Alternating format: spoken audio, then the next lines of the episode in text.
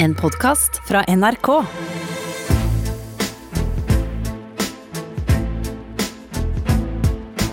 Trump mot verden med Gjermund Eriksen og Sean Henrik Matheson. Oi! Cembalo Bach! Ja, vi må til gammelt drama. Altså Der hvor det var de røde teppene, og hvor eh, fattigfolket sto, og de eh, rike satt bak Ja. balkonger. Ja. Eller enda eldre. Ja. Litt sånn gresk. Men det er eh, Vi skal til klassiske dramaelementer nå. Åh, velkommen til Trump mot verden. Jeg heter Sean Henrik Matheson. Makker Gjermund Eriksen er selvsagt her sammen med meg. Å, Gjermund, hvordan var Urix? Ja, det var veldig rart. Ja. Det var moro. Det, Du var jo med deg sist eh, tirsdag. ja, Ja. og det, det, var, eh, det var krevende, men det, det har satt et spor, altså. Ok, ja. Fordi tante Bjørg de, Tante Bjørg ringte. Og da veit du at du har gjort en forskjell som indre østfolding. Ja, men hun eh, må- når tante ringer. ja men Hun må ha ringt deg mange ganger. Da du vant Emmy, for eksempel. Må hun ha ringt deg da? Nei. eh, Nei! nei det, Urix henger høyere. Altså. Det er noe med det kollektive innsatsen som skal til for å få til ting. Det får en si. Du, jeg så på selv. Jeg syns du var kjempeflink, Gjermund. Det var ikke det vi fiska etter. Nei, jo, men, men, men, men jeg, jeg vil bare si at jeg ble litt rann, eh, sjalu også. Eh, Jeg syns det var litt leit å se deg med andre flinke folk, men eh, jeg fikk trøst av kona mi. Hun sa at ikke bry deg om det. Dette her går bra. Helt fint, sa hun. Ja, de, ja, det, det håper jeg de gjør sånn. Ja, ja, at vi må ha hver vår pod. Nei, nei, de skal ikke ha hver Det var det jeg var redd for, men så har jeg kommet over eh, Når du begynner å snakke sånn som det er, så ble jeg helt usikker med en gang. Vi lager drama? Nei. I dag, i dag, Gjermund, så skal vi love galskap. Ja. Og det er øh, Hvis vi skal gå ordentlig gammeldags til verks, ja. jeg litt sånn positivt, vi kan bruke ordet klassisk, Ja. så er det en stor fellesnevner mellom drama og politikk. Mm. Det er jo nettopp at den øverste lederen i øh, et land er gal. Mm, uh, og at man ser på det. I historien så har man hatt uh, den, Ivan den grusomme, Mm. George uh, the Third, flere konger. Eh, du har hatt keisere. Mm. Nero. Eh, Commodus, eh, mener jeg å ha hørt at Caligula var også pling i ballen? jeg, den, jeg kan ikke ro, eh, romersk historie, ja, ja. men eh, jeg tok han var utilregnelig. Han hadde avvikende seksuelle interesser eh, på bortsiden av det vi Mhm. Og eh, midler til å gjennomføre dem som vi andre ikke har. Men, ja. men i klassisk teater også, sant, så har Shakespeare dramatisert dette eh, mange ganger. Mm. En, er det noe med kongen? Eh, Macbeth er jo det stykket som gjør det hardest og tydeligst. Mm. Men vi har også trekk av det i eh, klassiske dramaer. eh, i Fra antikken, altså greske folk. Uansett, Mm. Ja. eh, så er det det å spille på at sinnet er i oppløsning, eller at sinnet har utfordringer ved seg som gjør en, gir en risiko til fortellingen vi følger, Mm. det er også brukt i noen moderne TV-serier og filmer, Mm. for å si det forsiktig. Og det er jo ikke blant mine Jeg sier jo alltid dette er en av med mine absolutt største favoritter, Ja. og dette er ikke en helt ukjent serie vi nå skal eh, ta oss og høre. Og det er, eh, jeg tror det er flertall i verden for at dette faktisk er verdens beste TV-serie. Ja, ok, skal vi høre. Ja. Ah, da. ja, folkens. Sopranos. Her skal vi til Tony Sopranos. Ja. Eh, og det som er moderne TV-revolusjonens inciting incident, det er at Sopranos ble lagd. Ja, da, Eh, da smalt det, liksom. Da begynte TV-serier å bli veldig bra, og alle skuespillere som ikke hadde lyst til å være med på TV-serier lenger, vil være med på det. Ja, så er, kan noen sende e-posten og si at det var tre revol to revolusjoner før det, men det tar vi en annen gang. Okay. Men i den moderne, hvor kvaliteten på TV-serien er større enn eh, kinofilmene, eh, den fortellingen om at TV-serien er den moderne romanen og sånt, det begynte med Sopranos. Og der, for de som ikke vet det, så er det en mafialeder som går til en psykolog. Eh, og at han sliter med jobben sin som familiefar, eh, og vellykket eh, familiefar i en vanlig eh, forstad, eh, og eh, som han også har den jobben å være mafialeder. Og følge den. Og så kan vi høre her som, hvordan det ikke nødvendigvis utspiller seg, for det er, dette er jo en elegant, godt høykvalitetsserie, så galskapen skinner ikke gjennom. Dette er en psykologisk utfordra mann som er i ferd med å få angst og depresjon, og svime av, få kny, knytinger i brystet, som jeg har lært at det er vanlig når menn går i veggen. Så tror vi alltid at det er en fysiologisk årsak inni brystet vårt, Eh, og så går vi og skylder på den. Og så er det jo at vi rett og slett ikke har det bra med følelsene våre. Den jeg går og kjenner på. Altså. Søren, det er lenge siden jeg har vært hos Vi det- Lenge siden jeg har vært hos Her må vi gå til Tony og for å myke opp stemninga med noe veldig hardt og mørkt. Where the fuck have you been? I've been calling you all fucking night long. I was at my Gomas. I told Silvio I was coming. You answer me like I'm Jesus Christ himself, and if you fucking lie to me, may your mother die a cancer of the eyes. Where's Pussy? I don't know. Don't you fucking lie to me. Tony. Did you do it? Tony. Shh. Don't fucking lie to me. Did you do it? No. Did you fucking do it? No. Did you fucking do it? I said no! Now get your fucking hands off. Ja. God, ja, det var Og det er klart at uh, Tony sliter, og det bearbeider, bearbeider de, og det er en vill karakterskildring, har jeg vært på kurs og hørt om. Eh, men jeg med, og jeg har fått eh, en kompis som har lagd om personlighetstrekk og alle sidene ved Tony. Men dette at sinnet går i oppløsning, det tenkte vi at vi trengte å snakke om i dag, for å ta tilbake vår uh, hovedkarakter, som har sittet litt i hjørnet og sett på dette med Biden og Bernie. Det syns jeg vi må snakke om. Ja, vi skal gjøre det. Vi skal snakke om det i dag. Jeg bare nevner at det The er Mad King kalles fenomenet, for det har jeg glemt å si. Ja, Altså, det er det vi har kalt fenomenet, men det er en gjennomgående er kongen gal. Går igjen i en del dramaer, og i en del land i vonde perioder. The Mad King. Det er fredag formiddag. Det er den 6. mars, dag 1141 av hans presidentskap. Taper han er det 319 dager igjen. Tre ting vi skal eh, snakke om i dag. Ja, har Donald Trump eh, demens? Vi stiller eh, spørsmålet, og vi er ikke de første for å, ja, for å si det sånn. Nei, vi ba- og det er ikke meninga å spekulere, men det er da en teori som har vært i eh, USA eh, en god del, og så er det greit å diskutere teorien, tenker jeg. Helt riktig. Og dersom han ikke er dement, for eksempel, hva slags personlighetstrekk har han da? Eventuelt personlighetsforstyrrelser? Vi får, dette skal vi ikke sitte og prate om aleine, Gjermund, det, det har vi ikke kunnskaper om. Men vi får besøk av psykolog Anders Skimenes, eh, som eh, jeg bare nevner også lager podkasten Skravleklassen, så er det mulig du som hører på har hørt stemmen hans før. Ja.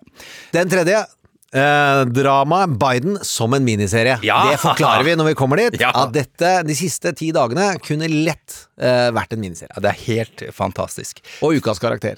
Som faktisk ligner på Tante Bjørg. Og det er noe av det peneste jeg kan si om både Tante Bjørg og ukas karakter. Ja, Tante Bjørg som vi akkurat har snakka om. Ja. Ting vi skal nevne, men ikke snakke så mye om, Gjermund. F.eks. Donald Trump og, og koronaviruset. Som han jo har stålkontroll på! Hva syns du, Sean? Jeg syns det er fantastisk. Jeg kan bare jeg kan beskrive hva jeg føler om det ved å spille av et eh, lite lydklipp. Har du lyst til å høre? Det er fra Fox, eller? Ja, Sean Hannity? Sean Hannity, min navnebror. Ja. Eh, Donald Trumps eh, aller beste venn. Hør på dette her. We have a report today, the global death rate at 3.4%, and a report that the Olympics could be delayed. Your reaction to that? Well, I think the 3.4% is really a false number. Now, this is just my hunch. It's because a lot of people will have this and it's very mild. So I think that that number is very high. I think the number, personally, I would say the number is way under 1%. Magefølelsen er sterk der. Ja, og det, han bygger det på hunch, Yep. personlig følelse, yep. og så snakker han det ned. Og så er det tre kjappe ting å si om det. Mm. Det ene som ble nevnt tidlig i uka, er at Donald er veldig god til å spille på frykt. Mm. Og utnytte når det er frykt. Så det han prøver å gjøre her, Mm. det er å utnytte frykten til sin fordel. Eh, og så prøver han å dekke over den samtidig, til aksjemarkedet, og det er der det blir litt vanskelig. Mm. Og så har han gjort det vi vet at Donald gjør. Hvis det er et stort problem han har, så gir han andre skylden. Så er han, hvis noen skal ha skylda i Det hvite hus, så er Mike Pence skjøvet opp. Ja. Han har fått ansvaret. Ja, og over han henger da, hvis vi skal ta, holde oss til gresk drama, et svært sverd. Å, er Demokles-sverd, er ikke det det The heter? Sword of Damocles, Yes. som jeg bare kan fra Lou Reed-platetittelen. Jeg har lest i Donald. Ja. Det er uansett. Jeg Har du husker det klassisk kunnskap, så spør ingen hvor det kommer fra. Bare husker det fra Donald. Så enkelt er det. Ja, og det henger i en veldig tynn snor som kontrolleres av et virus. Stakkars. Ja. Har vi omtanke for Pence? Nja Ja, Litt litt. Nei. kan jeg ikke så Jeg vet da søren, men eh, nei. La, jeg orker ikke snakke om det engang.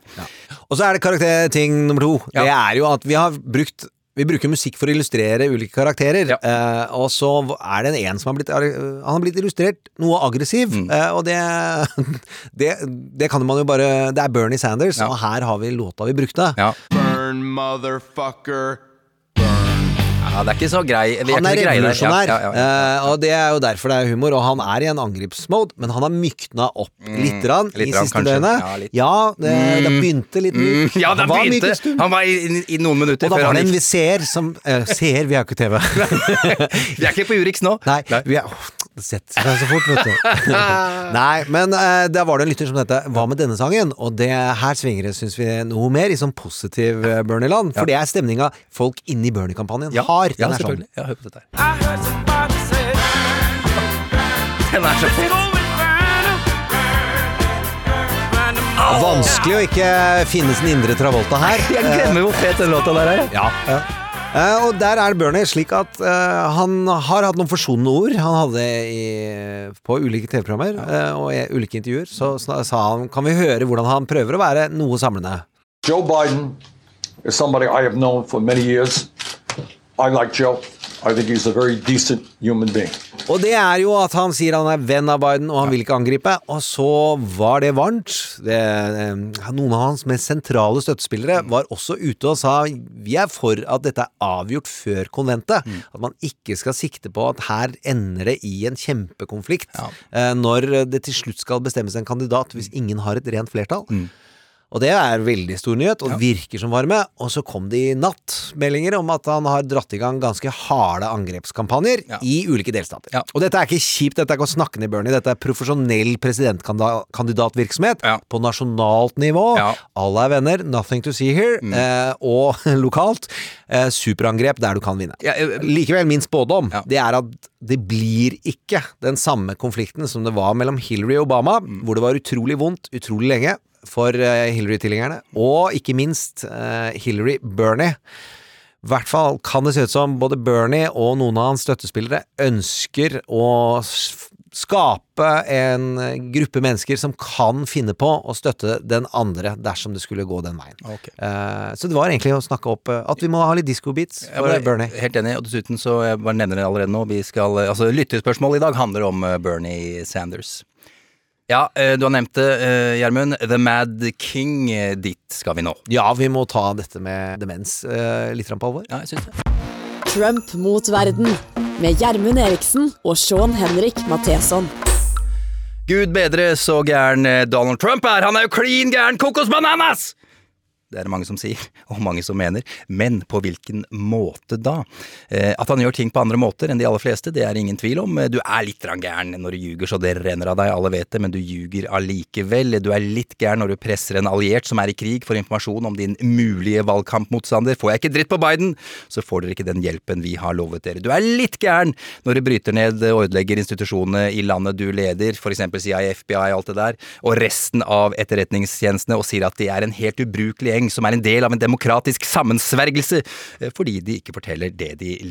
Fordi de ikke forteller fordi du ikke liker det de forteller deg. For eksempel at din venn Putin hjalp deg under eh, siste valg. Ja, da er du litt gæren. Men et spørsmål mange psykologer og psykiatere og andre som har greie på det, har stilt seg og gitt uttrykk for. Er dette en galskap som handler om sykdom? Lider han av noe, for eksempel? Demens, kanskje? Eh, Fra han ble valgt som president har det kommet stadige rapporter om hans mentale helse. En haug av profesjonelle og høyt respekterte ja, psykologer og psykiatere har ved flere anledninger gått ut offentlig og sagt at folkens, det er ingen tvil, mannen er syk, han er ikke skikket til å være president. Gjermund, vi har fått besøk av psykolog Anders Imenes. Veldig hyggelig å ha deg med her. Tusen takk. Du, Vi skal komme til, til Trump, eh, Anders, men hvis vi begynner helt eh, basic her. eh, Hva er demens? Demens er at eh, hjernen din sakte, men sikkert eh, blir brutt ned. Dør, forsvinner. For å si det på en, en kjapp, kjapp ja, enkel måte. det holder i massevis. ja. Hva er det som da kjennetegner en person med demens? Det kommer litt an på hvordan demensen angriper. Det er jo mange typer demens. Alzheimer, vaskulær demens. Vi, hvis eksempel demensen eh, rammer frontalt, eh, hovedsakelig, så eh, kaller, eh, kaller vi det front- Foran i huet, liksom? Ja. Ja. Eh, Så går det med på sånn eh, impulskontroll, følelsesregulering, den type ting. Parkinson-demens går jo med på det motoriske. Eh, Så det, man stiller ofte diagnosen etter, etter hvor, hvor vi ser at, at eh, hjernen har forsvunnet mest, da. Hvis vi da ser på, på Trump sin, eh, sin oppførsel, hva er det som gjør at han kanskje kan vise da at han muligens er dement? Ja, det er et par grunner til at eh, psykologer i veldig stor grad liksom har, har heist eh, demensflagget, kan vi kalle det det? Ja, det gjør vi. Ja. Og det er et respektert flagg som er mye omtanke i. Og så er det litt fare hvis du har atomvåpen. Hvis du blander, da. Hvis du har demens. Uh, Omarosa uh, Newman hun skrev jo boka Unhinged. Det er denne svarte kvinnen som var med i The Apprentice. Var første vinner. Ja, flere, ganger. Uh, Og ble jo da en del av, av teamet til, eh, til Donald Trump helt i starten, eh, da han ble president. Ja. Og øhm, eh, hun skriver veldig tydelig i boka si at han har demens, og kommer med en masse eksempler på hvordan eh, både tale, hukommelse, emosjonskontroll osv. er veldig mye dårligere i dag enn det var da hun først møtte han. Eh, og det er jo det man spør om i demens. Er det en kvalitativ forskjell nå og for 30 år siden? Akkurat. Så det er veldig viktig når man skal uh, se på om noen er blitt demente, er å følge dem over tid. Så det hjelper ikke bare å ha at vi ser på Trump nå, men man må se på hvordan han også var 30 år siden. Mm. Eh, Det andre er eh, Demens er jo ganske genetisk, og faren hans døde av Alzheimer da han var 93. Han fikk diagnosen da han var 87. Demens eh, bruker i hvert fall 20 år på å ødelegge hjernen din. Sånn at hvis, hvis Trump eh, har demens, eller har, har Alzheimer, så har den begynt okay. å, å ta rotta på hjernen. Ja, okay, ok. Eh, Du har med noe, noen klipp, Anders, som, vi kan, som skal beskrive litt rann, Illustrere. Eller illustrere er bedre å si. Helt enig. Eh, Det første er et intervju fra 1980, hvor han ble intervjuet. Og eh, meningsinnholdet kan vi kjenne litt igjen fra i dag, men språkbruken er jo hakket mer eh, komplisert og veltalende. Ok, det, det, Han er 34 år gammel her i Jeg, 1980. og Gjermund? Eriksen er sju. Ok, hør på dette her. Well, I think that America is a country that has tremendous, tremendous potential. I think that much like the mind, I think that America is using very, very little of its potential. I feel that this country, with the proper leadership, can go on to become what it once was. And I hope, and certainly hope, that it does go on to be what it, uh, what it should be. Ja, Høres helt vanlig og fin ut her, syns jeg. Ja, og vi kjenner jo igjen eh, dette fra den gang, at, eh, at han syns eh, USA må bli, bli mye bedre og en bedre utgave av seg selv.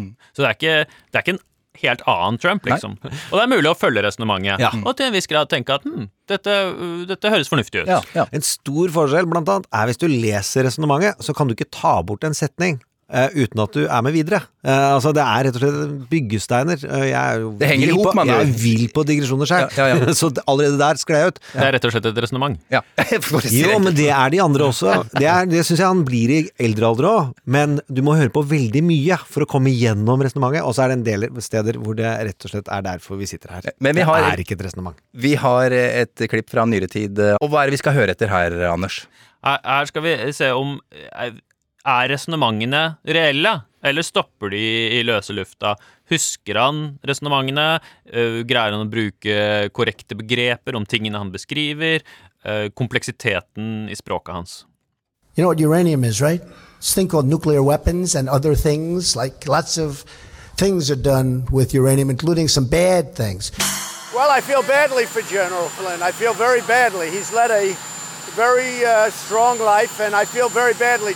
Ja, jeg skjønner hva du mener. Det henger ikke så på greip på et vis, men det er akkurat som jeg er så vant til å høre Trump på den måten at jeg tenker ikke på det lenger på, et vis. Og det er jo, Du tok fram en hel nettside full av eksempler, hvor det, man går gjennom åtte, ni, ti kriterier, og så er det da videoeksempler på veldig mange av de kriteriene uh, som ligger stablet.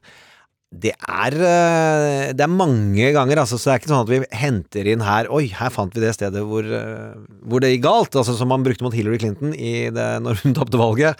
Den dagen hun svimte av, den prøvde man å strekke ganske langt. Ja, det er bra du sier, og dette ligger ute på vår Facebook-side også, ikke sant, eh, Gjermund? Det kan vi legge ut. Ja, vi kan legge ut. Ok, det er fint. Og så er det viktig å huske på at eh, det er jo ikke så uvanlig at eldre statsledere har demens. Reagan hadde jo f.eks. demens eh, mens han var president. Ja, helt klart. Satt og koste seg mye i kinoen de siste åra, nede i kjelleren, og så på film. Han gjorde det. Ja, så ja, ja. deilig. Ja. Så deilig. Det, jeg kjenner ikke demente. Jeg jobbet en sommerjobb tre måneder på et gamlehjem, for jeg tenkte det var like lett som å jobbe med tung eh, psykisk utviklingshemma, som jeg hadde mye som sommerjobb, og det var veldig tungt. Men å reise hjem til Mysen om sommeren, tenkte jeg da og dement var en helt annen tyngde. Altså Det er utrolig vondt å se hvordan mennesker har mista seg sjøl, og hvor, det er, hvor de finner spor av seg selv hele tiden. Uh, så jeg synes det er, bare for å si noe, at det er veldig sårbart. Ja, det er veldig og når familien kommer og sånn. Ja. Jeg blei helt satt ut, og jeg kunne ikke jobbe der i det hele tatt eh, etterpå. Fordi det, det var for emosjonelt krevende. Så all honnør til de som er i dette og står i dette. Ja.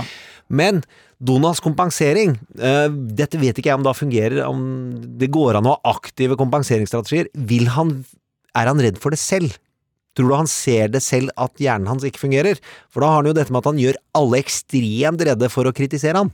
Så det er jo ikke noe Hvis du sier noe negativt om Donald, så er du på sparken-lista, ikke sant? Jeg tror du han har alltid vært veldig følsom for kritikk.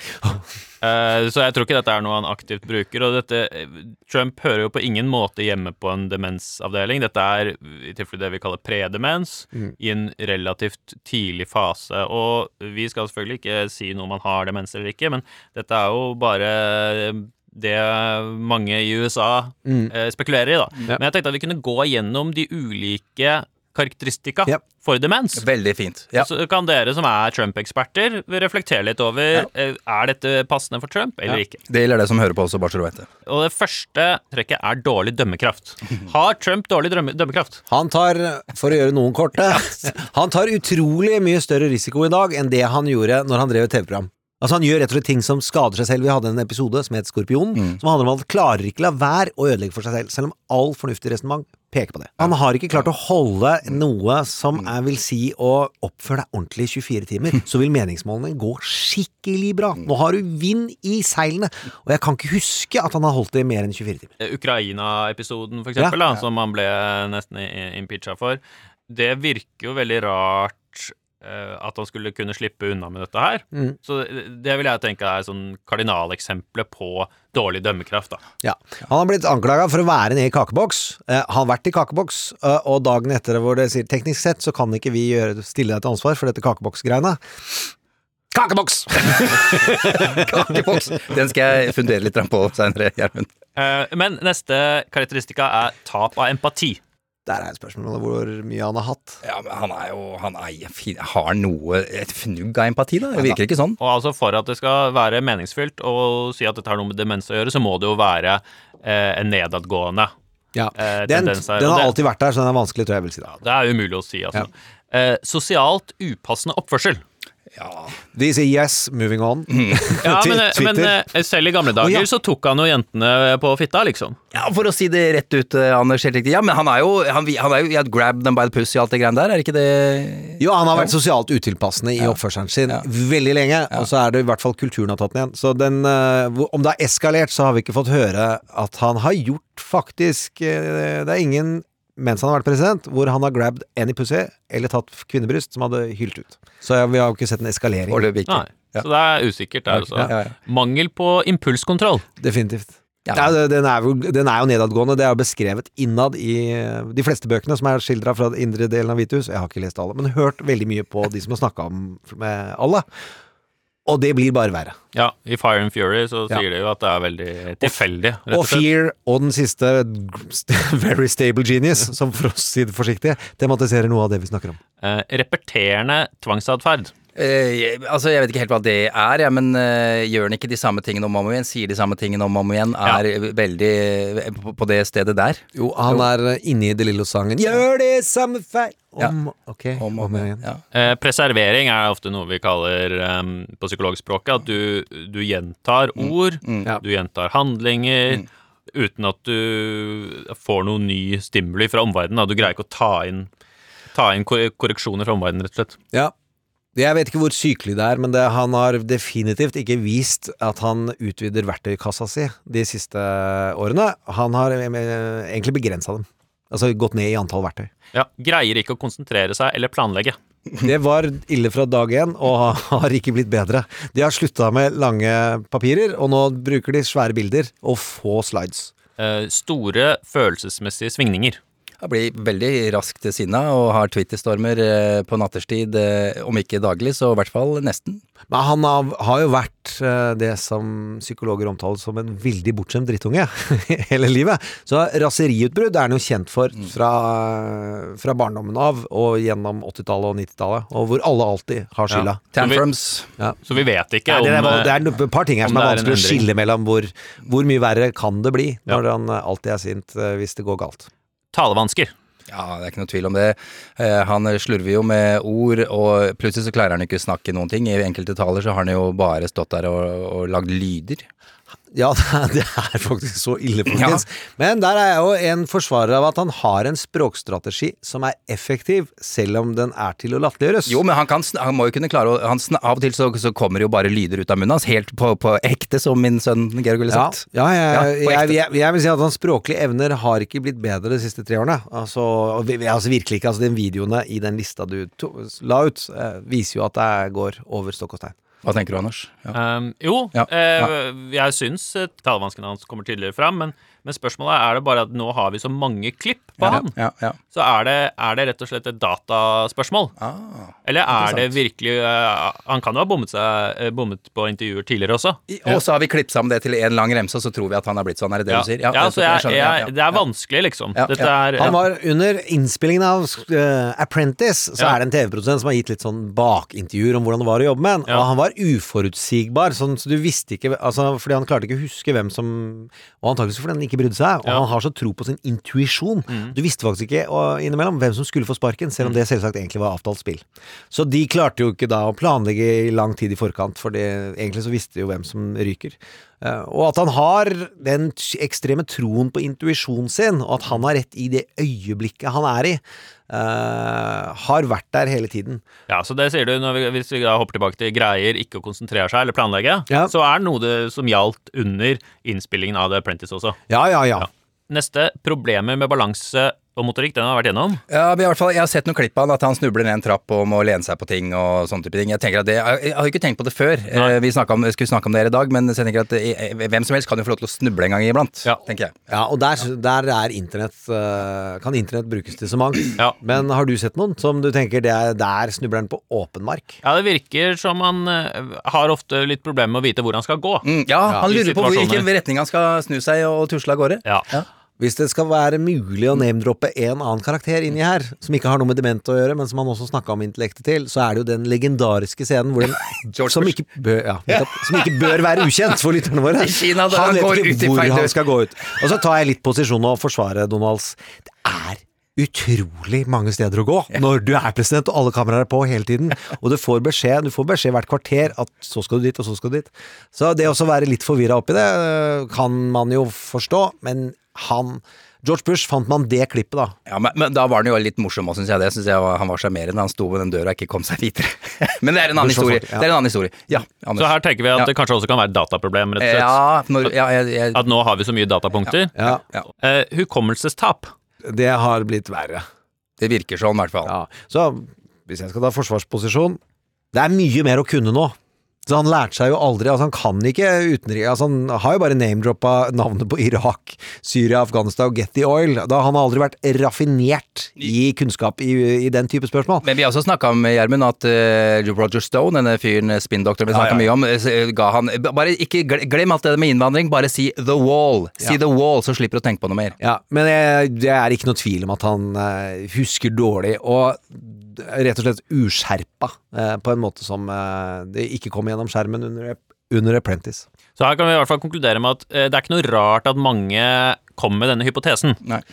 Det vil jeg det skrive under hvor som helst. At det stilles spørsmålstegn om hva som kan skape denne typen atferd, måte å snakke på, måten å oppføre seg på. Om det er eh, noe du er født til, eller om det er noe som kommer inn i hodet ditt og sørger for degenerering. Det Eh, og eh, Omarosa Newman, vi må jo anta at hun kjenner han ganske godt, men kan hun ha et, et insentiv for å stemple han som dement? Det kan godt hende. Hun ble jo vet, Ble hun tuppa ut, Gjermund? Jeg husker ikke lenger. Men Klart hun ble ble, ble tuppa tuppa ut, og det er ikke sikkert eh, Vi skal stole på alt hun sier heller. Det er ikke sikkert hun er like glad i, Trump som hun var i gamle dager. Nei, hun er ikke psykolog eller Nei. psykiater, og er jo en, hun er jo en drama queen. Det er derfor hun fungerte så godt i reality. Eh, og hun lakk jo dette elegant gjennom at hun var reality-deltaker igjen. Og nærmest lå og gråt i frykt inni et reality-program og hvisket om natten at det er helt vilt hvordan han er. Jeg, altså, jeg er redd for landet mitt, og jeg er redd for det. og har jo behov for å renvaske seg, for nå ser at Donald Trumps Hun er en svart kvinne som har gått inn i en administrasjon som gjør utrolig mye kjipt, Mm. og en måte å ta ordentlig avstand er å ta han ned. Mm, men hun er ikke alene, altså. Jeg husker ikke antall er Harvard-psykologer og psykiatere som har skrevet eh, bok opp og bok ned om dette, hvor mange som har skrevet under på opprop 'dette er alarm'. Og 350 mennesker nå bare for noen uker siden som skrev under et opprop, og før det så var det før jul, og altså Ja. det, det kom har hele tiden. Conway, som også hadde skrevet den, altså den ikke-psykologen som har skrevet lengst og best og mest interessant. Mannen, George. George ja, mannen. mannen til Kellyanne. Donald Trumps en av de nærmeste rådgiverne, uh, Kellyanne Conway, han skrev en kjempelang artikkel om at her er det utfordringer. Hvor skal, hvordan skal vi runde av dette? Jeg, jeg tenker at uh, vi må uh, tenke på demens som en folkesykdom. Ja. At uh, de aller fleste av oss vil bli demente på et eller annet tidspunkt. Og om Trump skulle være dement eller ikke, er jo ikke så lett for oss å si noe om, men det ville ikke være spesielt oppsiktsvekkende hvis han var det, i og med at hans far døde av Alzheimer. Reagan var dement. Biden har jo tegn på at han kanskje ikke er så i, i full vigør som som man skulle ønske fra en president. Eh, så jeg vil, selv om vi må ha litt sånn usikkerhet eh, hvor, hvordan Trump eh, faktisk er, så tenker jeg at for vår egen del, da, så er det viktig at vi som har tippet 50, at vi husker på å spise grønnsaker. eh, Særlig grønne grønnsaker. Grønne grønnsaker. eh, Grønnkål, eh, brokkoli. Ja. Joggetur, mosjon, veldig bra. Kanskje ergometersykkel, nå som det er litt glatt ute. Ja. Eh, være forsiktig med sukker. Vi vet at det liksom fyrer opp eh, eh, Alt som ja. egentlig gir deg diabetes type 2, det kan også gi deg demens. Så her har vi alt jeg tok tak i i 40-årskrisa mi. Eh, jogging. Jeg vil også se, snakke om grønnkål. Kjøp en air fryer, putt de oppi med litt olje, så får du den der grønnkåleffekten som du får på asiatiske restauranter. Crispy blir som potetgull. Og hvis noen av dere skulle, og det gjelder dere lyttere også, være så uheldig å ha noe med Alzheimer i familien, så er det veldig viktig å kutte røyken. Røyken må bort, da, men det må jo folk gjøre for lenge siden. Kom igjen, da! Slutt med den røyken, da! Ok, vi skal eh, Vi, eh, vi, lar, vi lar demens eh, ligge der, og så skal vi snakke litt om personlighetstrekk. Trump mot verden med Gjermund Eriksen og Sean Henrik Matheson. Ja, er ikke demens, så er det noe annet. Er det tvilsomme personlighetstrekk, eventuelt personlighetsforstyrrelser? Hvilke forstyrrelser kan det være snakk om da, Anders, i så fall? Nei, det er jo mange som har eh, trukket fram at han har en del grandiose forestillinger.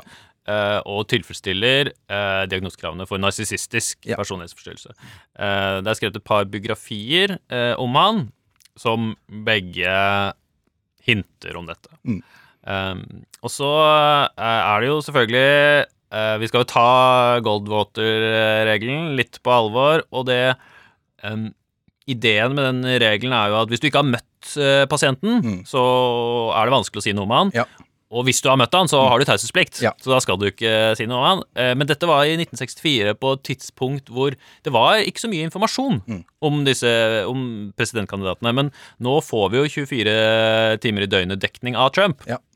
Det gjør jo at eh, psykologer og psykiatere i alle deler av verden føler for å bruke sin kompetanse til å forklare litt av eh, virkningsmekanismene her. Hvorfor oppfører Trump seg som han faktisk gjør? Syns du det er innafor å gjøre det på den måten? Jeg veit ikke, for vi, eh, vi psykologer liker jo godt å Eller i hvert fall jeg, da, eh, og andre akademikere liker gjerne å forklare folk som er veldig annerledes fra oss selv. Med liksom patologi og en eller annen annerledeshet og, og vanskelig barndom osv. Men eh, hvem er det som skal forklare meg? Hvorfor oppfører jeg meg som jeg gjør? Dette er jo en- stor kritikk mot akademia også, at vi forklarer alle som ikke er har vestlige liberale holdninger. Eh, og så er det ikke så mange høyrevridde folk i akademia som, som kan peke på hvorfor er Hvorfor er du, Anders, så innmari soft? Hvorfor er Obama så soft, liksom? Hva er det med, med oppveksten hans? Eh, så Som har gjort han soft, ja. Jeg skjønner. Ja. og så konsensusorientert, Ja. og så hyggelig. Ja. Um, så vi skal være litt forsiktige med, med å, å gå for langt i og med at vårt eget ståsted. Men Anders, sier du da at de som er på høyresida, da, de, de, vil, eh, de vil på en måte diagnostisere oss vanlige folk på samme måte? Det, det tenker jeg, da.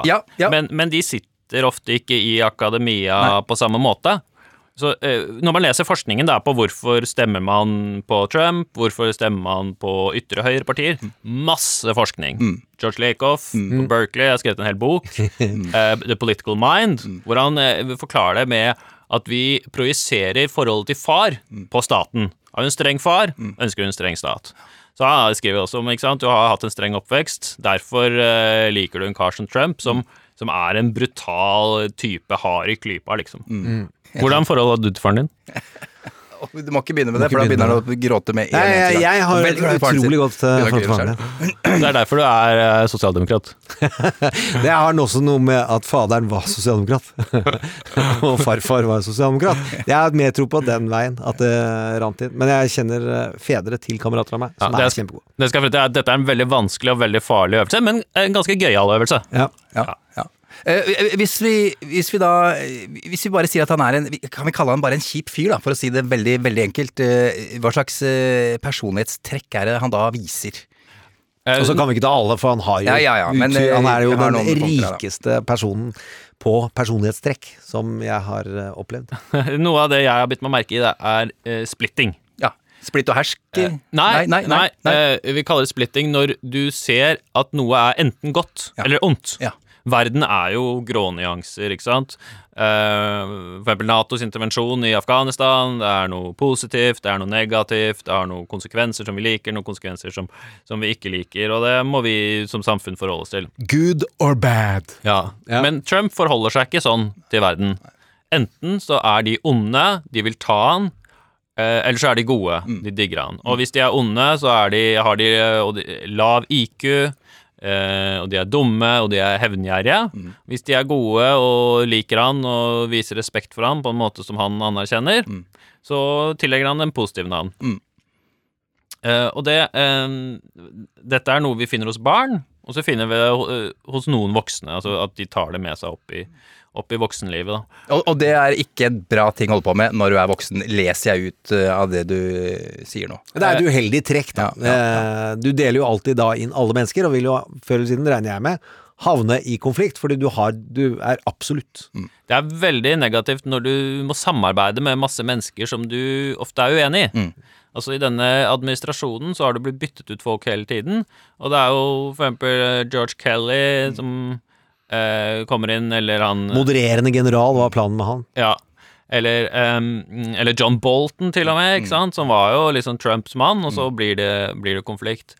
Eh, sånn at han, han greier ikke å ta kritikk fra disse folka, han greier ikke å eh, ta dem på alvor når de ikke lenger er ja-mennesker, da. Eh, så enten så er de på hans side, eller så er de mot han. Eh, så det eh, tror jeg ødelegger veldig mye for Trump i den jobben han har. Eh, Neste trekk. Neste trekk. det at han hele tiden skal skyve andre mennesker ned. Mm. Og det er noe som vi ofte tenker at har med en indre sårbarhet å gjøre. Vi ser det hos veldig, mange mennesker som har opplevd kjipe ting, blitt mobbet, holdt utenstengt, eh, hatt en vanskelig barndom. eh, at de eh, hele tiden føler på en utrygghet i nye situasjoner og har eh, behov for å etablere et hierarki, hierarki med dem selv på toppen. Mindreverdighetskompleks. Ja. Mm, gode gamle. Gode gamle. Okay. Og, og det er jo problematisk når du skal eh, deale med andre statsledere som også har eh, atomvåpen, for eksempel Rocket Man, Mm. Nå, eh, kaller han Kim Jong-un. Ja, Mm. i Nord-Korea. Så, eh, og når to ustabile statsledere driver og, og mobber hverandre på den måten Mm.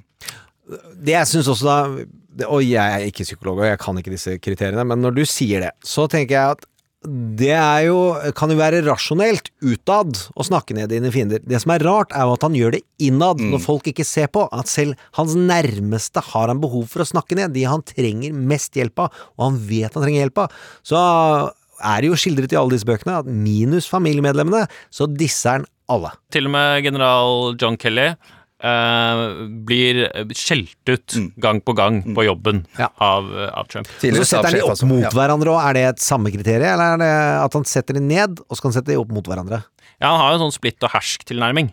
Tredje kriteriet. Ja, det er jo veldig mange, Ja. veldig mange jo- trekk, eh, trekk å ta av her. Ja. Eh, men jeg syns jo denne uh, impulsiviteten hans, og mangel på impulskontroll, Mm. eh, er ganske betegnende for Trump. Altså at han eh, For eksempel når, han, når det ble vedtatt eh, toll på stål og aluminium i, i USA, så hadde jo de- hadde de nettopp vært på G7-møte i Italia og blitt enige med alle at nå skulle presse Kina sammen. Og så er det kull- og stålunionen i, i USA som eh, har fått et lobbymøte med Trump, og for å please dem så gir han etter og sier ok, greit, vi smeller på en, en handelstariff. Og da ble det jo fra Europa ble det jo, ble det jo ekstremt overrasket, i og med at de dagen før hadde blitt enige om strategien overfor Kina. Mm. Så han virker som han blir hijacket eh, av øyeblikket, på en eller annen måte. Og det er ikke et godt tegn, det heller. Nei, i hvert fall ikke som president, da. Og når han taper, altså han taper på det ganske ofte. Eh, all, nå kan mange si at det er god sjanse for at Donald vinner eh, valget i november. Men mest av alt, de siste tre årene, så har han gjort utrolig mye uheldige, kortsiktige utskjellinger som har redusert effekten av det han faktisk har fått til. Altså at økonomien, så kan man diskutere om det er hans eller noen andres, at den går bra. eh, at han har fått gjennom de dommerne han ønsker, og endrer rettssystemet i lang eh, tid framover. Det Oppsiden av det blir borte ved at han fornærmer og gjør ditt og gjør datt, og går og ødelegger for sine allierte, ikke minst. Ja, han, eh, han har jo splitta det eh, republikanske parti, eller nærmest, hva skal jeg si, tatt over. Og, og kastet ut den gamle, gamle garde. Eh, John McCain var jo en av de få som turte å virkelig gjøre opprør mot han. Og da fikk han jo slengt tilbake at han var ikke noe krigshelt, for krigshelter blir jo ikke tatt til fange. Niks. Eh, så man kan ikke være noe helt når man har sittet i bur i mange år. Overhodet ikke. Og det at han tr... eh, Nå kan man si at ja, han visste han ville overleve det. Ingen har sagt noe så hardt og dumt i en sånn situasjon at når du vil ha makt, som han gjorde der og så ja, han overlevde, men jeg tenkte på det alltid som mangel på impulskontroll. Altså at han har et publikum, han har lyst til å si noe som kan komme i avisa, men så tenker han ikke forbi aviseffekten. Så har dessverre vårt mediesamfunn bevist at det er hans strategi. Det å skape oppmerksomhet klarer han å utnytte mer enn skadene han påfører ved at han har skapt oppmerksomhet, som han påfører seg selv. Så får vi se om han klarer det en gang til. Ja, det vi mm, reflekterer over, er jo er, disse strat er dette strategier som han bruker på en elegant måte for å oppnå uh, det han ønsker? Eller er det bare situasjonen som tvinger fram Personligheten. Ja. Er han et offer for, for sin egen, eh, sine egne utfordringer, eller er han en, en ekstremt dyktig maktpolitiker? Jeg syns det er en spennende inndeling. Om er det eh, personlighetstrekk som er til skade for han, eh, så kan man spørre seg hvor skadelig er det når du klarer å bli president ved dine største svakheter, eller om han har anerkjent disse tingene og utvikla hans største svakheter til enorme talenter. For han har han har brukt disse nedsidene som de fleste av oss ikke får noen fordeler av, til sine største fordeler. Altså. At han ikke eier skam, at han ikke tar personlige hensyn, og at han eh, gjør hva som helst for å komme øverst og skape kaos, og så er ikke de andre trent til å holde på med å jobbe i nærheten av noe sånt. Ja, eh, han har jo fått gjennom mye av sin egen agenda, Ja. men han har jo svekket USA eh, geopolitisk. Det er jo ikke noe tvil om. Eh, de har færre venner nå enn de hadde, og folk snakker om eh, Pax Americana. Når slutter det, liksom? Greier de å gjenvinne posisjonen de hadde? Eh, Jeg er jo bare psykolog, jeg, jeg ser ikke helt de geopolitiske konsekvensene av, av alt han holder på med, men eh, jeg tror det blir veldig spennende med valget, i hvert fall. Og hvis Trump får fire år til, eh, hvor er USA da? Siste spørsmål da. Hvor raskt eskalerende er den type eh, demens som, man mist, som disse kreftene mistenker at han kan ha? Er det totalt individuelt, og man kan ikke si noen ting? Jeg tror det er vanskelig å si. Det avhenger jo av eh, hvordan han lever livet sitt. da, Hvis han spiser junkfood og, og er mye stressa. Så det er vel en rimelig stressende jobb å være president, eh, selv når du heter Donald Trump, vil jeg tro. Ja. Og stress er ikke bra ting for, for folk med demens. Nei, Nei, definitivt ikke. Sånt, eh, om fire år, eh, hvis han får det, da, så kan det jo hende at, eh, at det kan bli noe, noe utfordrende side ved det, da. Enda verre. Anders Jimenez, eh, tusen takk for at du var med i Trump mot verden. Tusen takk for at jeg kunne være med. Og nå skal vi til Vesten! Ville Vesten. Trump mot verden med Gjermund Eriksen og Sean Henrik Matheson.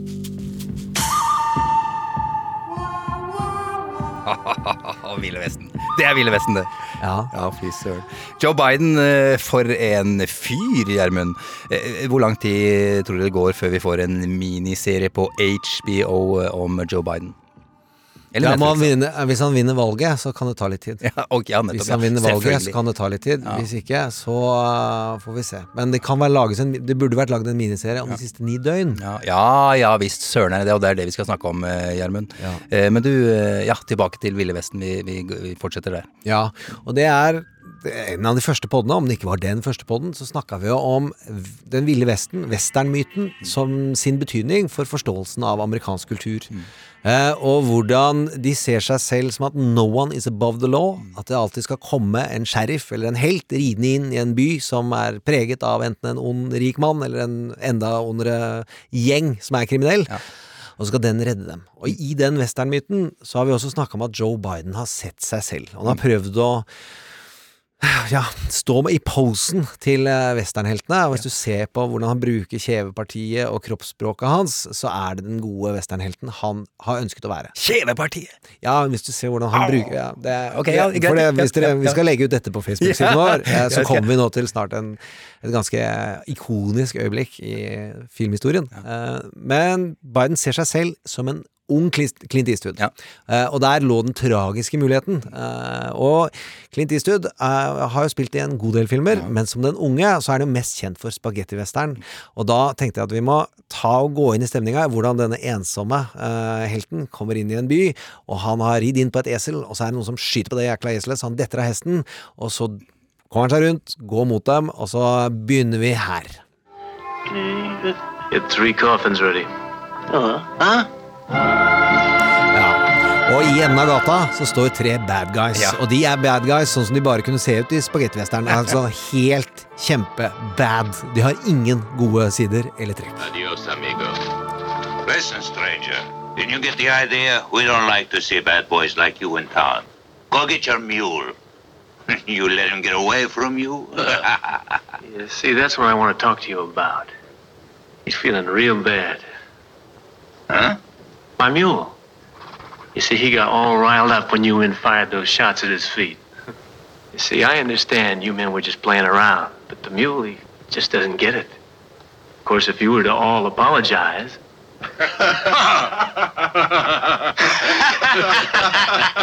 I don't think it's nice you laughing. You see, my mule don't like people laughing. It's the crazy idea you're laughing at him.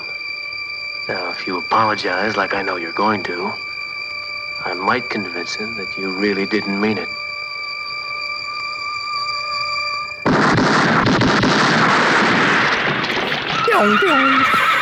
Ja da. Og der er uh, Klinteren. Og den posituren, det er, er Joe Biden. Hvis du vet noe om kampanjen, så er at han har utfordra folk til pushups. Han sa før han stilte som kandidat, han skulle dra Donald bak låven og gi en juling. Ja, det husker jeg! Det var Men- veldig kult. Men altså, bare ta for deg løpet fram til uh, der miniserien vår begynner. Er det altså Joe Biden, blir det han som til slutt får eh, hovedrollen i vår eh, spin-off-serie Demokratenes kamp om å vinne tilbake presidenttronen? Hvem hadde trodd det? Eh, Før det hele starta, ja, de aller fleste faktisk. Han var soleklar favoritt. Endelig, endelig, endelig var det Joe Bidens tur, og også fortjent som det skulle være. Kom igjen, la oss bare få the show on the road, liksom. Bli ferdig med det, liksom. Men så, så skjedde det at uh, ingenting skjedde. Han nådde ikke fram, det var ingen som ville høre på ham, og da valgte han å si, ikke si noe i det hele tatt, faktisk, og være helt stille. Kanskje det er fordi jeg tuller og tøyser med ordene mine, tenkte han. Eh, kanskje det er bedre å være helt stille og heller flyte på det gode ryktet mitt. Det hjalp ikke det heller. Han kom på fjerdeplass i Iowa, femteplass i New Hampshire. Pengene hadde allerede tatt slutt for lenge siden. Nei, det funka ikke denne gangen heller, gitt. Hans tredje forsøk på å bli president hadde mislykkes, det også. Både i 1988 og 2008 hadde lufta gått ut av ballongen egentlig før det starta da også. So long, cowboy! Men eh, så, Gjermund, så Den reisen vi nå har vært igjennom, de siste ni døgnene, den tar for seg noen store dramaøyeblikk og noen store dramatiske eh, metaforer og eksempler og strategier som vi har vært opptatt av gjennom hele podkasten, Ja, ja. og som, som har bevist seg, og det syns jeg er litt artig. Så man kunne bygge det opp som episoder Mm. i en miniserie, og hvor den første rett og slett er der det hele begynner, den enorme motstanden. Hvor langt ned er det mulig å få en helt? Mm. For at fortellingen skal få maks effekt, så skal du ned. Ja. Jeg kan ikke huske at noen sa det i jula, at Biden kommer helt sikkert til å vinne. Altså, det var så langt nede som det er mulig. Ja. Uh, Han blir avskrevet, bare leste gamle artikler, han ble avskrevet i samtlige aviser og Ja, samtlige han blir, medier. og, og til, som, til slutt så mister eh, noen av de som Ikke hans forsvarere, men altså de som ikke har gått for Biden-dissing, går i den modusen. Og det er liksom episode én, utgangspunktet, før vi kommer til episode to, tirsdag. Og da er det debatten før South Carolina. Alt håp er ute, og eh, han eh, har bare vært middels eller dårligere i alle debatter. Og fått nærmest sånn «Ja, Bra til å være Joe-greier. Og der kan vi bare høre en liten smibberitt? I'm not gonna be quiet anymore, okay? I'm not gonna be quiet anymore. Endelig, liksom. Ja. Og vi har jo sagt at debatter er viktige. Når de verden henger sammen på riktig måte, så gjør det en stor forskjell. Og det er der de har sporet at meningsmålene var i ferd med å snu. Fram til da så hadde det gått nedover også i South Carolina. Hans last stand. Men uh, Det var i- der han skulle hente inn eh, alle de svarte velgerne, ikke sant? ja, det og hadde de han med lovt farge. fra, Ja, ja. fra mars av. Så har, snakket, har han snakket om at det er i South Carolina han kan vinne første gangen. Men han hadde jo tapt så det dundra de fire første. Mm. Uh, og den motstanden, at han klarte å vise seg fram der, Mm. der begynte ting å snu.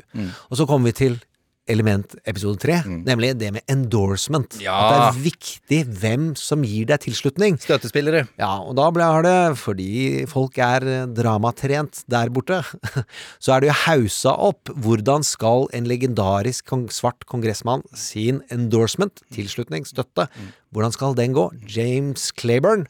Og så kom den på onsdag. But I want the public to know that I'm voting for Joe Biden, South Carolina. Ja, Clyburn der, altså. Morgan Freeman. Jeg sier ikke gå dusj, for han er den beste voiceoveren i hele verden. Men du har en utfordrer. Flott stemme. Ja, det får du si. Det var eh, jammen Det var tredje episode. Fjerde. Ja, der har vi jo eh, hvordan velgergrupper er betydningsfulle. Og der har man vært, eh, stilt seg tvilende til at den demokratiske koalisjon, koalisjonen har eh, den type kraft i seg at de svarte, som liksom har vært basen, at de kan si tydelig fra. Og man begynte å se at der begynte det å splittes. Vil de unge svarte gå til Bernie? Eh, og så kommer valget i South Carolina, og de står sammen. De gjør som James Claiborne sier.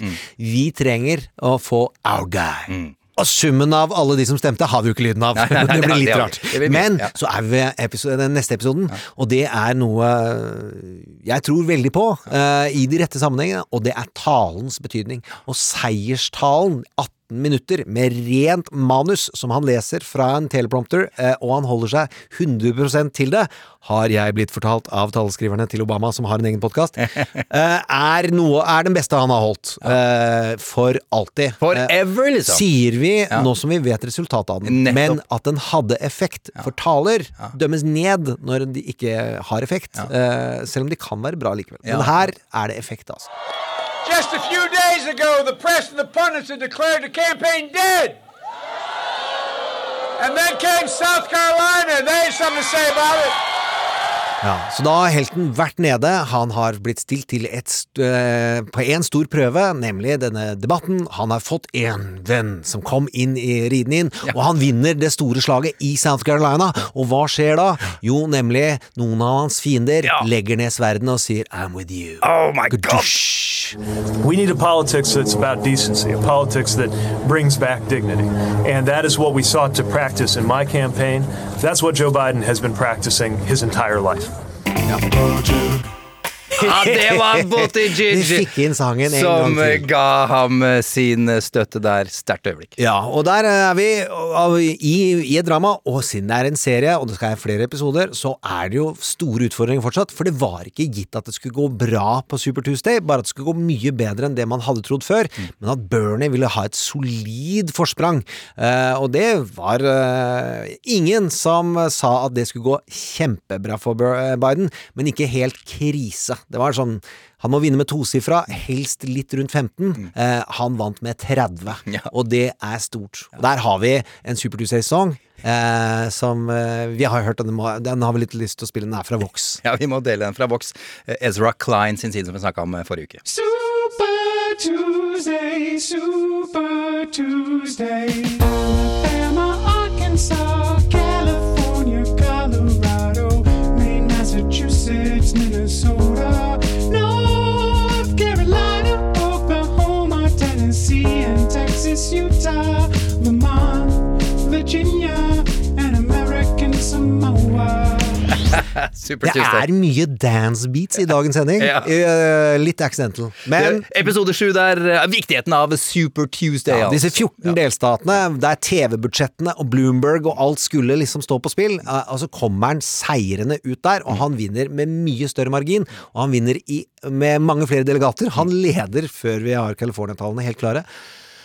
Det er stort, og den størrelsen på endringen fra da episode 1 til 7 i primærvalgkamp er uh, uten sidestykke i nyere amerikansk politikk, sier David Axelrod og Mike Murphy, og så sier Gjermund Eriksen det fordi han hørte de si det.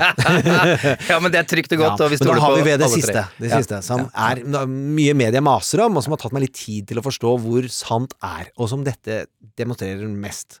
Episode åtte, momentum. Oh. Uh, for å få til momentum, hvis du ser for deg en sykkel, så er det hvor hardt kan du tråkke på den pedalen for å komme i gang, ikke sant? Mm. Eh, og da må du ha så lave forventninger som overhodet mulig, og levere over forventninger som mulig. Da er det tråkket ikke til å tro. Og det har jeg syntes det har vært litt mas om. Det har vært nevnt i West Wing-episoder. We got the big mo! Yep. Ja, men eh, vi har aldri sett et slikt momentum på så kort tid.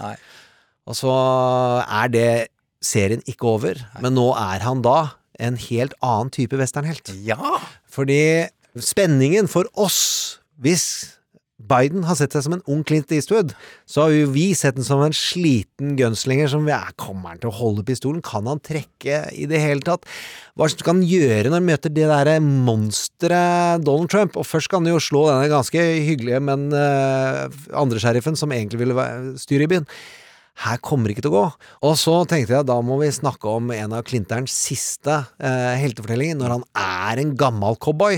Og da er vi inne i Pale Rider, og der er en fyr som får juling med sånne økseskaft uten økser av tre bad guys, som matcher egentlig den andre åpninga. Han slår og slår og slår, slutter ikke å jule, og det er en kjerre med all mat og ting som denne hyggelige mannen skulle ha med hjem til alle familien sin, og de er i ferd med å tenne på med en fyrstikk, og da er Klinteren i skyggene. Hør nå. Like to make us for good fire, right, boys? Yeah. Really like home.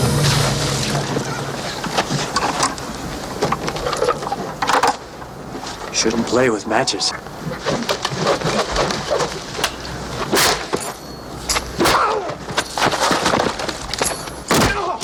Her bare buster han ass på en skikkelig 80-tallsmåte. Oh, det er noe- Langt ute. Det er noe med stemmen til Clint Eastwood som er helt magisk. Nothing like a nice piece of hickory. Ja.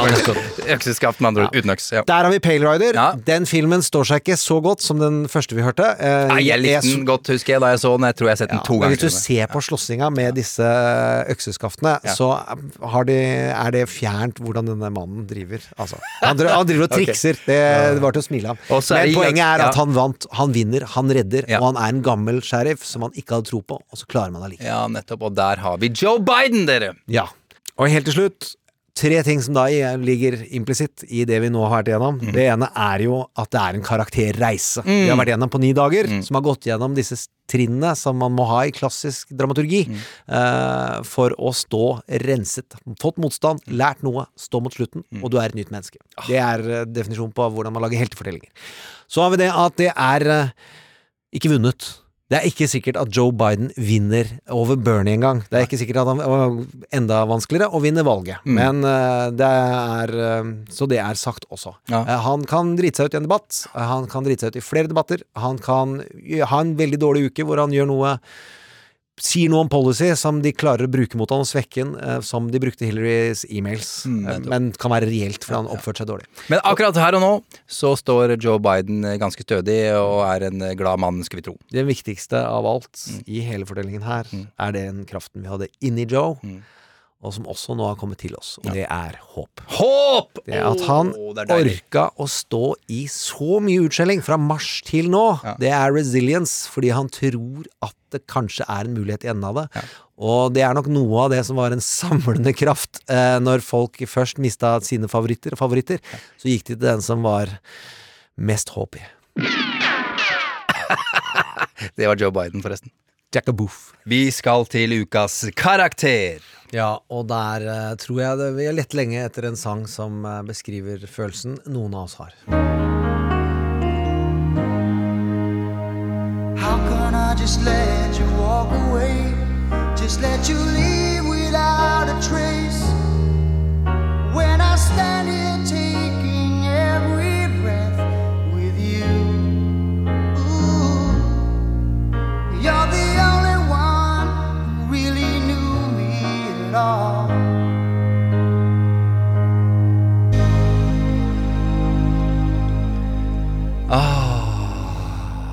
Ja, dette gikk gærent. Der er det på tårå! Det er så nydelig. Få se på deg. Få se, ta på, Ja, se så på brillene. brillene. Jeg har er solbriller, folkens. Hvis dere ikke vet det, så har jeg solbriller. Oh, Men hva, hvorfor begynte du å gråte nå? Nei, det, nei men uh, Elisabeth Warren har jeg levd lenge med. Eh, siden 2010 så har jeg den første gang holde et fabelaktig innlegg på Bill Maher. Realtime med Bill Maher, som er et TV-program som går på HBO. Som er veldig viktig politisk, som setter agendaen. eh, og kjenner jo da godt til hvor hun kommer fra, hvor lenge hun har holdt på. Ja, ja. Og sånne ting. Ja, og så er det jo det skal jeg komme tilbake til, altså. Men det, det er jo den flinkeste datt ut nå. Ja, den som, ja. hvis det var, konkurransen var om å være flinkest, Ja, ja, og det blir jeg rørt av. Ja, ja. Altså, hvorfor kan vi for faen ikke Ja, ja, velge den som er flinkest? Og så. Mm. er det den andre elementet. Det er en kvinne. Og nok en gang så er det sånn at uh, den flinkeste er en kvinne, og god damn, hun skal ut. Da, da Fortell hvem Warren er, så skal jeg- tørke tårene. Ja, mens du tørker tårene, Gjermund, så skal jeg fortelle litt om Elizabeth Warren. For en dame. En av de smarteste menneskene i verden, vil jeg si. Født i Oklahoma 1949. Moren var hjemmeværende. Faren var flyinstruktør i flyvåpenet, blant mye annet, også selger etter hvert. De klorte seg så vidt det var fast i middelklassetilværelsen. Måtte begynne å jobbe fra ung alder, men var superskarp på skolen og ble etter hvert advokat. Jobba hjemmefra til å begynne med, med eiendomsrett og enkle ting som å sette opp eh, testamenter for folk og sånn eh, småtteri. Eh, Ble etter hvert opptatt av finansjus, og spesielt hva som skjer ved konkurser. Det var også dette som da brakte henne inn i offentlighetens lys midt på, på 90-tallet. Hun jobbet mot en lov som ville gjøre det vanskeligere for folk å, å slå seg konkurs. Fortsatte med denne type arbeid i årene som kom. På, på 2000-tallet ble hun kjent som en person som ville ha mer kontroll på finansbransjen, og ikke minst bankbransjen. Den var helt ute av kontroll. Det ble jo veldig tydelig under det store krakket i 2007 og 2008.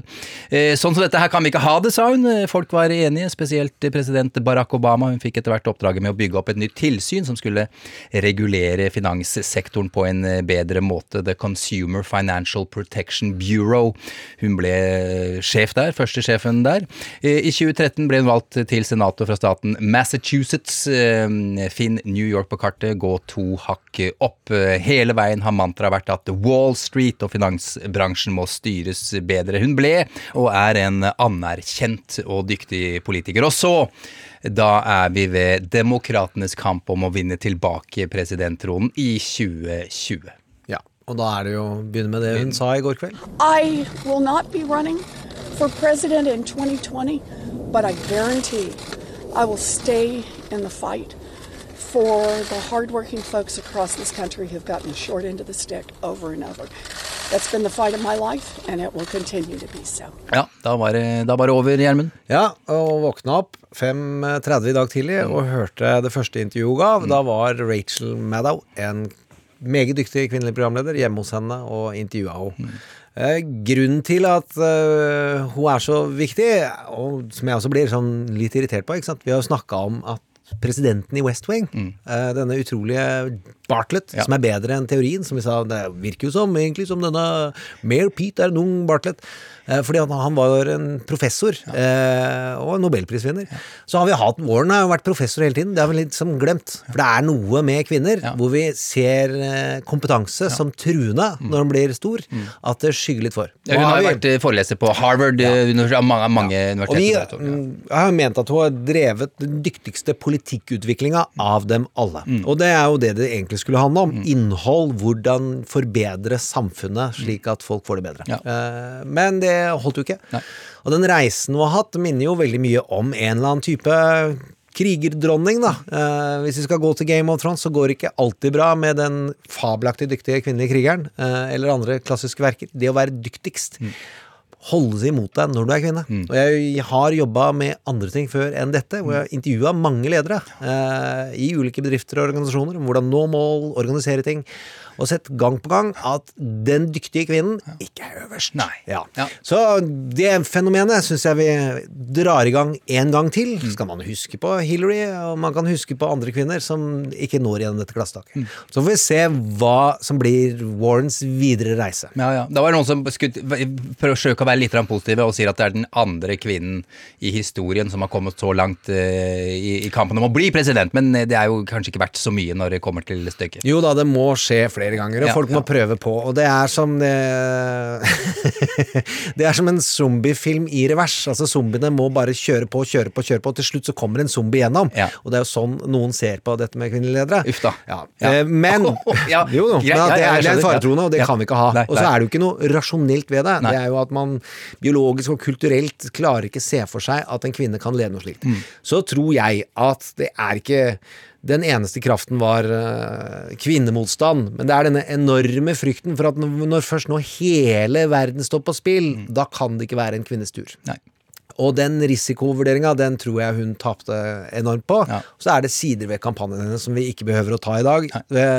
for det var den dyktigste, uh, syns jeg, i hvordan hun klarte å komme seg opp. Hun var jo frontrunner et lite øyeblikk. Var det, men ja. er det bare kjapt av hva denne kampanjen har gjort feil siden du først kaster Nei, det var at hun kommer i en, mellomposisjon mellom Bernie ytre, ytterste venstre og Biden. Og så er spørsmålet når skulle hun forlate Bernie og si at hun ligger midt imellom og er det beste fra to verdener. Og når hun da kom med dette beste fra to verdener, Mm. så hadde hun ikke svar på det store, store spørsmålet hvordan skal din helsereform se ut?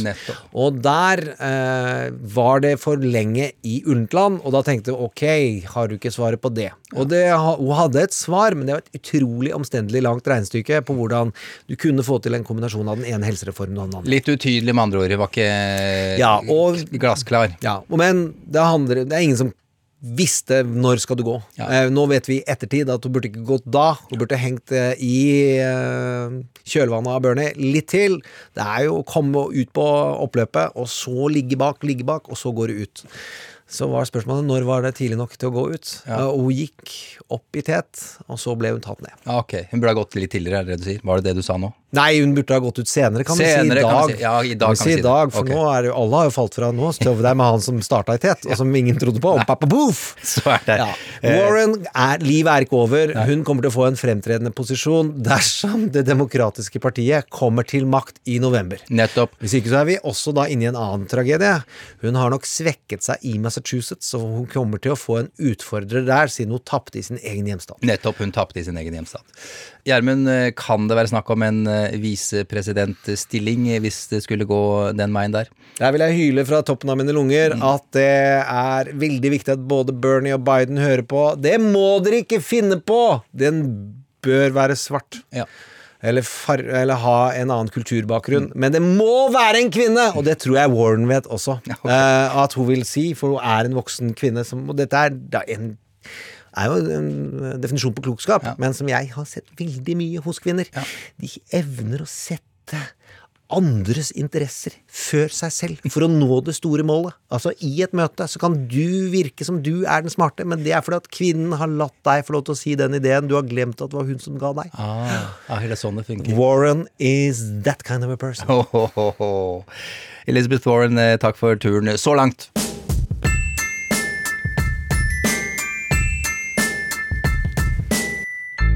Trump mot verden. Konkurransen vår begynner å bli to uker gammel nå, Gjermund. Ja. Den er helt fantastisk. Det er åpningslåta til eh, la oss si, Netflix-serien om eh, Donald Trump sitt Nei, liv. ikke tenk så smått! NRK-serien NRK som dominerer og ruller over hele verden er. gjør at dette dum, jeg er så dum, jeg er så dum, dum, dum, NRK. Moderskipet blir et globalt imperium. Trump mot verden heter serien, selvfølgelig. Første låt eh, i starten av første episode i sesong én. Fått inn utrolig mange fete låter. Ja. Og vi lager en Spotify-liste som vi bare bygger på, bygger på, bygger på. Så den finnes, Da søker man på Trump mot verden. og det gjør man også på Facebook. Trump mot verden. Eh, apropos, eh, vi lar det ligge med den konkurransen nå. Vi skal komme tilbake til flere konkurranser eh, etter hvert. eh, vi lover. Jeg har et, jeg syns jeg har et godt spørsmål i dag, Gjermund, fra Sigurd. Altså et lyttespørsmål. Hei, Sigurd. Hør på dette her. Vi har vært innom det tidligere i dag. Hvorfor er dere så kritiske til Bernie? Det skinner litt igjennom at dere på generell basis er negative til ham, og hvordan han gjør det, med tanke på hvordan dere fremstiller at han vinner valg, og at dere aldri fokuserer på de tingene han får til under debatter og utenfor, osv., osv. Gjermund i forsvarsposisjon. Ja, jeg ser at du- du Nei da, jeg skal ikke være det. Eh, Jeg har jo, og vi har flere ganger sagt, at vi liker jo Bernie. Det er jo en utmerket politiker for Norge, eh, og som kan vinne valg i Norge. Og så er vi jo så er det jo uprøvd om han kan representere en bevegelse som vinner i USA. Eh, Politisk så er jo jeg mer i Burnland enn noe annet, så, eh, for det meste. Ja. Litt for at man skal finne ut hvordan man betaler for ting før man påstår ting. Så det er min kritikk av Bernie, men det er også der han sliter. Eh, og så har det ikke vært meningen å framstille han negativt. Det er fantastisk hvordan han har stått på, og fra den første gangen han sto og sa 'jeg starter min presidentkampanje' mot Hillary Clinton på 2% oppslutning, så var det fnis i skjegget til mange veldig lenge. Så når det er sagt, så har vi jo sett noen utviklingstrekk nå gjennom Super Tuesday. De velgergruppene som han sier 'I'm gonna build a movement'. Det vil komme nye velgere, altså folk som stemmer for første gang, ut av uh, ut, av intet, ut, av tre, ut av treverket, men det er ikke det det er. Unge og latinos uh, og arbeidere vil møte opp og støtte han i større grad. Det har vi ikke sett i tallene. Det betyr ikke at Bernie ikke kan vinne eh, fortsatt. Men han har større utfordring nå enn det han hadde før. Mm. Og så er det det vi har sagt hele tiden også. Det er vanskeligere for Bernie å slå Donald enn de andre kandidatene, har vi påstått. Mm. Det betyr jo ikke at vi er imot Bernie, eller at vi ikke tror at Bernie ikke kan slå Donald. Men det er ekstra spennende, hvis du kaller deg sjæl sosialist, til å, å skulle ta Donald med. Et ord som visstnok amerikanerne frykter og hater mer enn noe annet, er nettopp sosialisme, øh, skråstrek kommunisme. Og så har vi også nevnt tidligere, Gjermund, at øh, Bernie Sanders, nettopp fordi han er såpass langt på yttersida, øh, ikke klarer å Har ikke fått gjort så mye politisk heller. Han får ikke gjennomslag for det han ønsker å gjøre. Ja, og så er, Men det er også meningsmålinger som er skrudd til at du skal mislike sosialisme. Hvis du setter det inn i sammenhengen, at fellesskapsløsninger, så er jo Social Security, Medicaid og, og den siste eh, Medica- Medicare eh, noe av det mest populære i USA som fenomener. Så det finnes retoriske veier hvor Bernie kan stå og løpe ut. Men det er spennende, folkens. Det er det jeg vil si om den saken. Og så håper jeg at både Bidens folk og Bernies folk klarer å ha en politisk uenighet, som Bernie sier at han vil ha. Politisk uenighet, men ikke snakke hverandre sånn som det er ødelagt. Okay. Takk skal du ha, Gjermund. Det gjelder- Biden nå, altså. Ja, ja, ja, for all del. Eh, Kjære deg, du som hører på. eh, Sjekk ut vår eh, Facebook-side. Trump mot verden heter den. Der er det masse morsomt som foregår, Gjermund. Masse flinke, smarte folk. Med andre ord, det er plass til deg som hører på også. Ja, og så kan du stille spørsmål der, og så er det flere som svarer. Eh, Ja, det er gøy, for det er ikke bare du som svarer. For du, Nei, nei, du nei. er veldig veldig flink, men, folk hiver seg på. Jeg kommer ikke til å svare på alt, for det, men er det er mange andre som er interesserte, så man møter en liten gruppe mennesker som har den samme hobbyen, og det liker vi. Det liker vi kjempegodt. Eh, vi har også en mailadresse, trump at nrk.no. Eh, Der kan også sende spørsmål. Det er eh, stas, og der er vi vel basically i mål for ukas episode. Jeg bare eh, lyst til å komme med en kjapp melding her, hvis jeg får lov til det. Jeg fikk en melding i innboksen min eh, i går fra Rune, han er fast eh, lytter. Han nærmer seg nå målstreken i et fjellmaraton på Gran Canaria.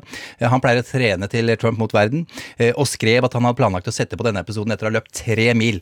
Jeg tipper at han har en, tre-fire kilometer igjen. Kom igjen, Rune. Du er god. Du er det. Stå på. Ja. Og så Rune, husk på en ting. Denne uka hadde vi ikke tid til å lage trailer. Nei. Det betyr ikke at du ikke skal skru på neste uke, og at du skal anbefale podkasten til en venn som kanskje er interessert i drama, serier eller amerikansk politikk. Stopp dem hvor som helst. Ring. Anywhere. Og håper du kommer hjem pga. koronagreiene. Eh, Du som hører på, må også anbefale oss videre, selvfølgelig. Eh, Gjerne i koronakøen ved, ved Antibac-en, eh, kjøpesenteret, hvor som helst. Men også kanskje venner og kjente og nære folk. Er du ikke enig, Gjermund? Alltid, alltid, alltid.